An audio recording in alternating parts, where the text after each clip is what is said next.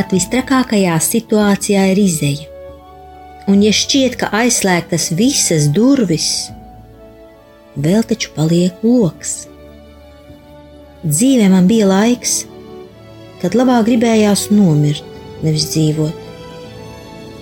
Par savām jaunības kļūdām ir jāmaksā, bet tās vēl nav beigas.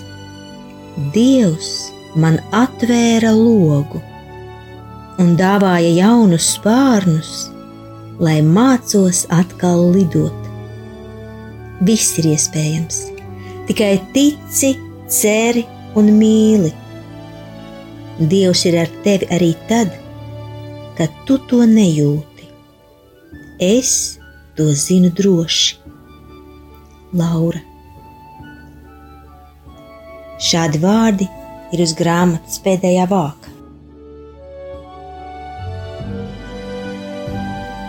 Lasīsim sesto fragment no Lauras Niedras dzīves stāsta, vai baltajiem zirgiem jāpaliek sapnī.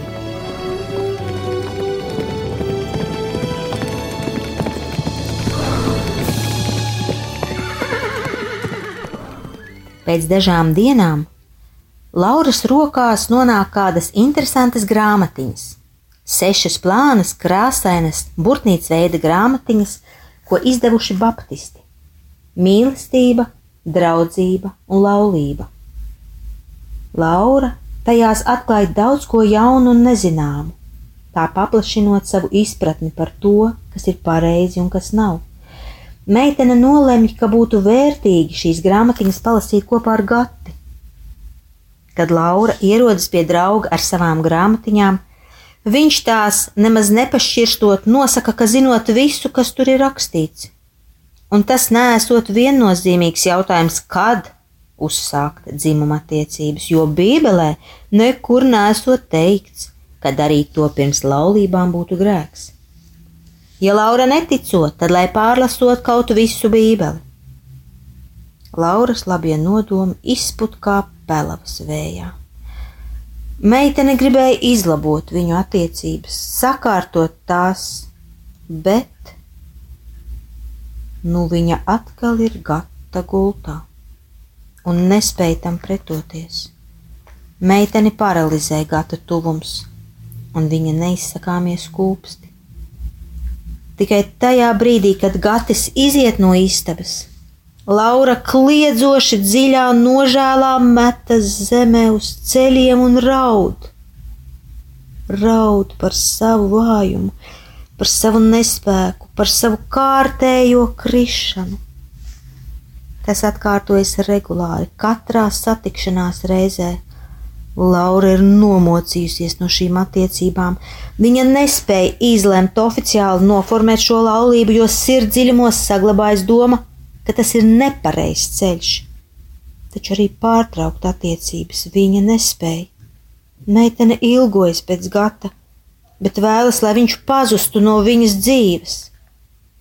Laura ir sašķelta sīkās, mazās drumsliņās. Nekas no viņas vairs nav palicis pāri, tikai sirds nebeidz ilgoties pēc miera, tīrības un skaidrības. Laura, kā jau katru piekdienu, dodas uz koru mēģinājumu. Viņai tik ļoti patīk dziedāt, bet šodien Lauras balss kaut kā lāga negrib skanēt. Nav ne klepus, ne iesnas, bet vienkārši neskan balss, jocīgi. Tā Laurai nekad nav bijis. Un arī ļoti nāk miegs. Tik ļoti, ka acis pašas krīt ciet, lai gan ir tikai mēģinājums sākums. Meitene nesaprot, kas ar viņu notiek. Visu mēģinājumu Laura cīnās ar varanu spēcīgu miegainību. Varbūt jāiet laicīgāk gulēt, varbūt viņa ir pārstrādājusies. Dienas rit, bet neparastais nogurums nepāriet, un dziedošā balss neatgriežas. Laura no rītiem nespēja piecelties, un pusdienas laikā meitene dodas gulēt kopā ar saviem bērndārs bērniņiem. Kad auklīte viņus trijos modina, Laura nespēja izkāpt no gultas. Meitene jūtas kā ar svina smagumu pielijusi. Kas ir noticis? Nevar taču būt, ka tas? Pēc mēneša miegainības Laura dodas pie ārsta. Meitenes sirsniņa pukst strauji, strauji. Vai tiešām būs noticis tas, par ko Gatis teica, ka tas nevarot notikt?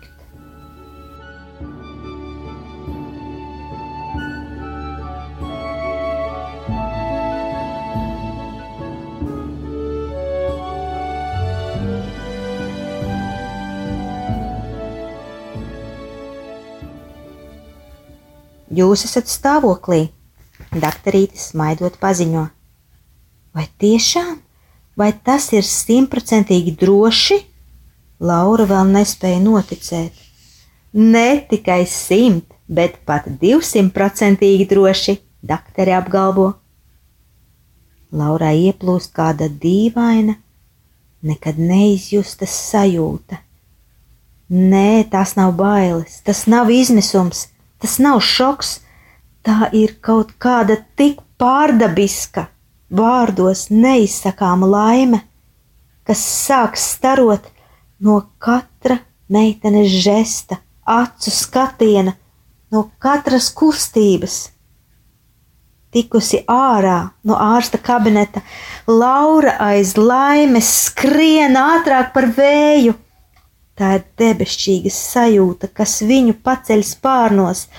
Meitene šobrīd nedomā par problēmām, kas radīsies no šīs neplānotās, negaidītās grūtniecības, nedomā par kaunu, par savu vecāku reakciju, nedomā vispār ne par ko, kā tikai par savu gaidāmo bērniņu, par savu mīļoto mazulīti, par savu eņģelīti, kuru Laura mīl jau līdz sirds dziļumiem. Tikusi mājās, meitene sameklē jaunu kladi. Viņa zina, ka tūlīt pat vēlas runāt ar savu nedzimušo mazulīti, ar savu mazo sapnīti. Ar vislielāko mīlestību Laura izrotā titulapu un uzraksta krāsainu virsrakstu Es gribu tev pastāstīt. Ar mīlestībā trīcošu roku meitene iesāk.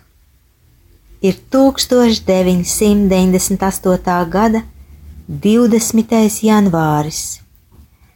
Šī ir tik mīļa un svarīga diena, protams, arī satraucoša, ļoti satraucoša, vai zini?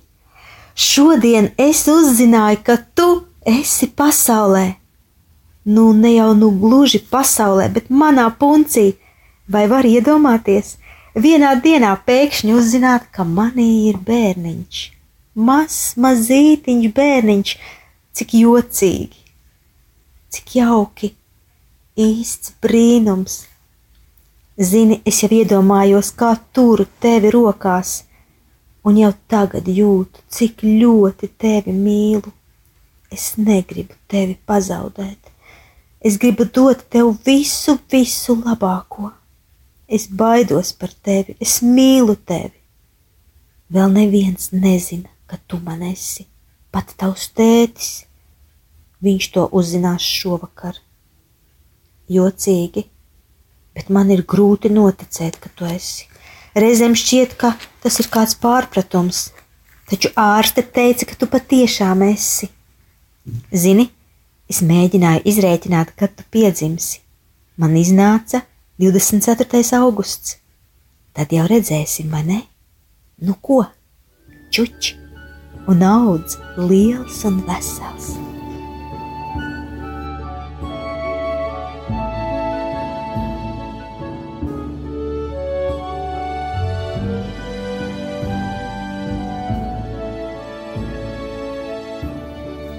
Vakarā Laura satiekas ar Gati un izstāsta jaunumus. Viņš nevar un nevar noticēt, ka šis fakts ir patiesība. Viņš brīnās un saka, ka tas nevarot būt tiesa. Laura pat nobīstas no tādas domas. Ja nu tas tiešām nav tiesa, ja nu ārsti kaut ko sajaukuši, Lauras apziņā šis mazulis eksistē un meitene vēlas, lai viņš būtu. Gatis domā, ka nevajadzētu vēl nevienam stāstīt par gaidāmo mazuli. Bet Laurai tā gribas, gribas, lai kāds priecājas kopā ar viņu. Protams, vecākiem tas būs nepatīkams pārsteigums, arī māsiņai, bet Laura zina, ka viņi iemīlēs šo mazuli, citādi jau nevar būt. 21. janvāris, 10.35. Sveiks, mazais! Kā tu gulēji? Zini, es ļoti slikti. Bieži pamodos un domāju par tevi. Es ceru, ka tev ir labi pie manis. Zini, es esmu apslimusi, šķaudu un klepoju, bet ceru, ka tas tevi netraucē. Es gribu, lai tu būtu mierīgs. Es arī pagaidām esmu mierīga. Es smaidu, es ticu, ka tu esi. Vakarā atkal ciemos ierodas Gatis. Viņš izskatās neparasti skaists, un viņa acīs ir noslēpumains mirdzums. Šķiet, ka vīrietis smaida ar visu savu ķermeni, ar visu savu būtību. Gatis draudzīgi pabužina Laurai pa vēderu un prasa: Kur tad viņš ir? Tas meitenei šķiet ļoti mīļi, un viņa ir laimīga. Gatis saka, ka vajadzētu steidzami sadarināties. Laura piekrīt. Vismaz beidzot būs beigas meitenes šaubām, galvas sāpēm un neizlēmībai. Ja jau liktenis tā lēmis, jo bērnam taču tēvu vajadzēs. Viņām mīl gati, varbūt ne tā, kā gribētu mīlēt, jo Laura sapņoja par baltu, šķīstu, tīru mīlestību Šī nav tāda, to meitene zina, bet atpakaļ ceļa vairs nav. Pie durvīm atskan zvans. Tur nāk gatis ar torti un ziediem. Laura ir atļāvusi spērt šo izšķirošo soli, lūgt tēvam viņas roku. Meitenes vecāki ir stipri pārsteigti par tik steidzīgu sadarināšanos bet neko jau neiebilst, kam jānotiek, jānotiek. Viņi tiek uzsaukti adventistu baznīcā. Tas nav nekas īpašs, tikai formalitāte. Pēc trim mēnešiem viņi drīkstēs salauzties. 6. februāris, 9. no rīta. Sveiks, mīļais, mazais! Interesanti, vai tu jūti tās noskaņas, kas manī valda? Vai tu jūti, kad es esmu priecīga, kad noskumusi. Vakar vakarā es biju tik ļoti noskumusi, ka nenoturēju pat asaras. Mēs ar tavu tēti runājām pa telefonu. Zini, viņš jau pirmdien brauks uz Krieviju darīšanās. Es zināju, ka viņš brauks drīz, taču līdz šim visu uztvēru mierīgi, bet vakar kaut kas notika. Skumjas un bailes un nezinu, kas vēl viss kopā. Mēģināju jau saņemties tevis dēļ, lai tevi neskumdinātu, jo šķiet, ka tu tomēr jūti. Taču grūts bija vakars. Turpretim nakts man dāvāja to prieku redzēt tevi ratiņos. Nē, es tevi pašu neredzēju, tikai gāju pa ielu un stūmu ratiņus, un jutos ļoti, ļoti labi. 9. februāris, 16.30.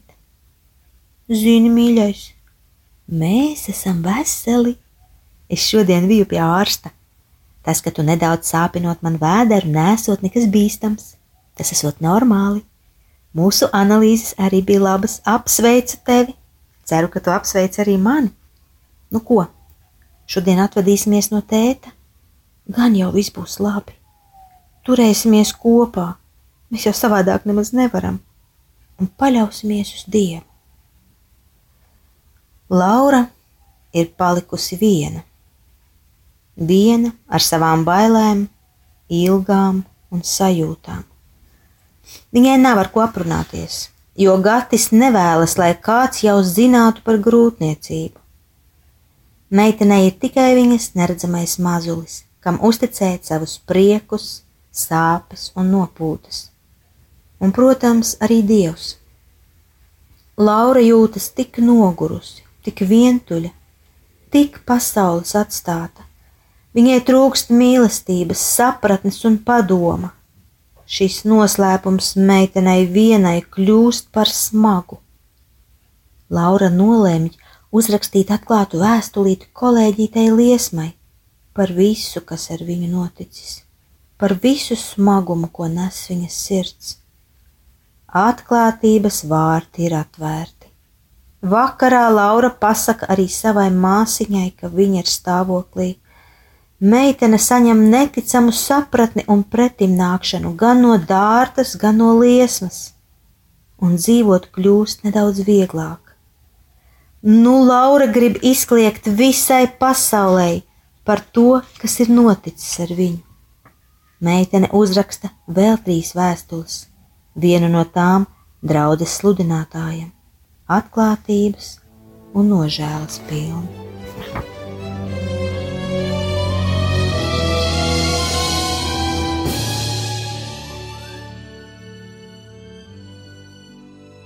Dzīve pamazām iet sliedēs.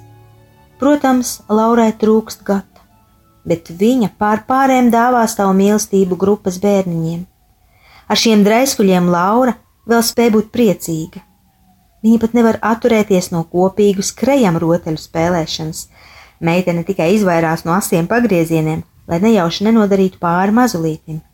Grupas bērni ļoti aktīvi palīdz izdomāt vārdiņu gaidāmajam bēbim, Viņi nosauc tiešām veselu jūru vārdu, gan zēnu, gan meiteņu. Tikai Laurai neviens neiekrīt sirdī. Viņai tas šķiet diezgan sarežģīti izvēlēties viskaistāko, vispiemērotāko, visjaukāko vārdiņu. 27. marts 16.50. Piedod! bet man bija uznācis slinkums tev rakstīt, jo tavs tētis joprojām ir Krievijā. Varētu pat teikt, ka man reizēm ir slinkums dzīvot, ne tikai rakstīt. Taču nav tā, ka es par tevi nedomātu, es par tevi sajūsminos, jo dienas jo vairāk. Man patīk sajust, ka mans vēders nav tāds kā agrāk. Man patīk to glāstīt, domājot par tevi. Man patīk vērot sevi spogulī, man patīk, ka tu man traucē gulēt uz vēdera, jo liekas, ka tev spiež. Man patīk viss, kas saistīts ar tevi. Tikai žēl, ka nevaru vairs paciest piparmētru garšu, jo bez visām šīm klepu sūkājumām konfektēm ir tik grūti slimot. Paldies, ka tu esi tik labs. Tu man gandrīz nemaz neradi sliktu dušu, neietekmē manu apetīti un neliec man krist ģībonī. Paldies Dievam, ka Viņš mani pasargā no visām šīm iespējamajām nepatikšanām. Man visu laiku likās, ka tu esi puika, bet šodien es kāpēc iedomājos, ka tu tomēr esi meitene. Interesanti, kas tu galu galā esi? Zinu tikai vienu, ka tu būsi trešais tīģeris mūsu ģimenē. Tavs tētis ir dzimis tīģeru gadā, es esmu dzimusi tīģeru gadā, un arī tu piedzimst tīģera gadā. Cik jocīgi! Un kā mēs trīs tīģeri sadzīvosim? Es ļoti gaidu, kad tu sāksi kustēties. Man šķiet, ka šodien jau tevi sajūtu. Audz ātrāk, pieņemies spēkā un sāc savus pirmos nedarbus manā vēderā. Ļoti gaidu. 5. maijs, 20.50. Ak, ja tu zinātu, kā tu spārdies, tu laikam dienās būsi futbolists vai futboliste. Tu iespēri ārstē pa klausuli, kad viņa man to piebāz pie vēdera. Tu iespēri arī manai māsiņai dārtai, tā ka viņa no pārsteiguma aizlidoja divus metrus tālāk, un mani tu spārdi vienā laidā. Bet man jau patīk, es priecājos par tevi. Tu esi aktīvs un stiprs Tu ar vienu spērienu pat vari pacelt grāmatu, kas nolikta man uz vēdera. Tas bija sastais fragments no Lauras Niedras dzīves stāsta, lai baltajiem zirgiem jāpaliek sapnī.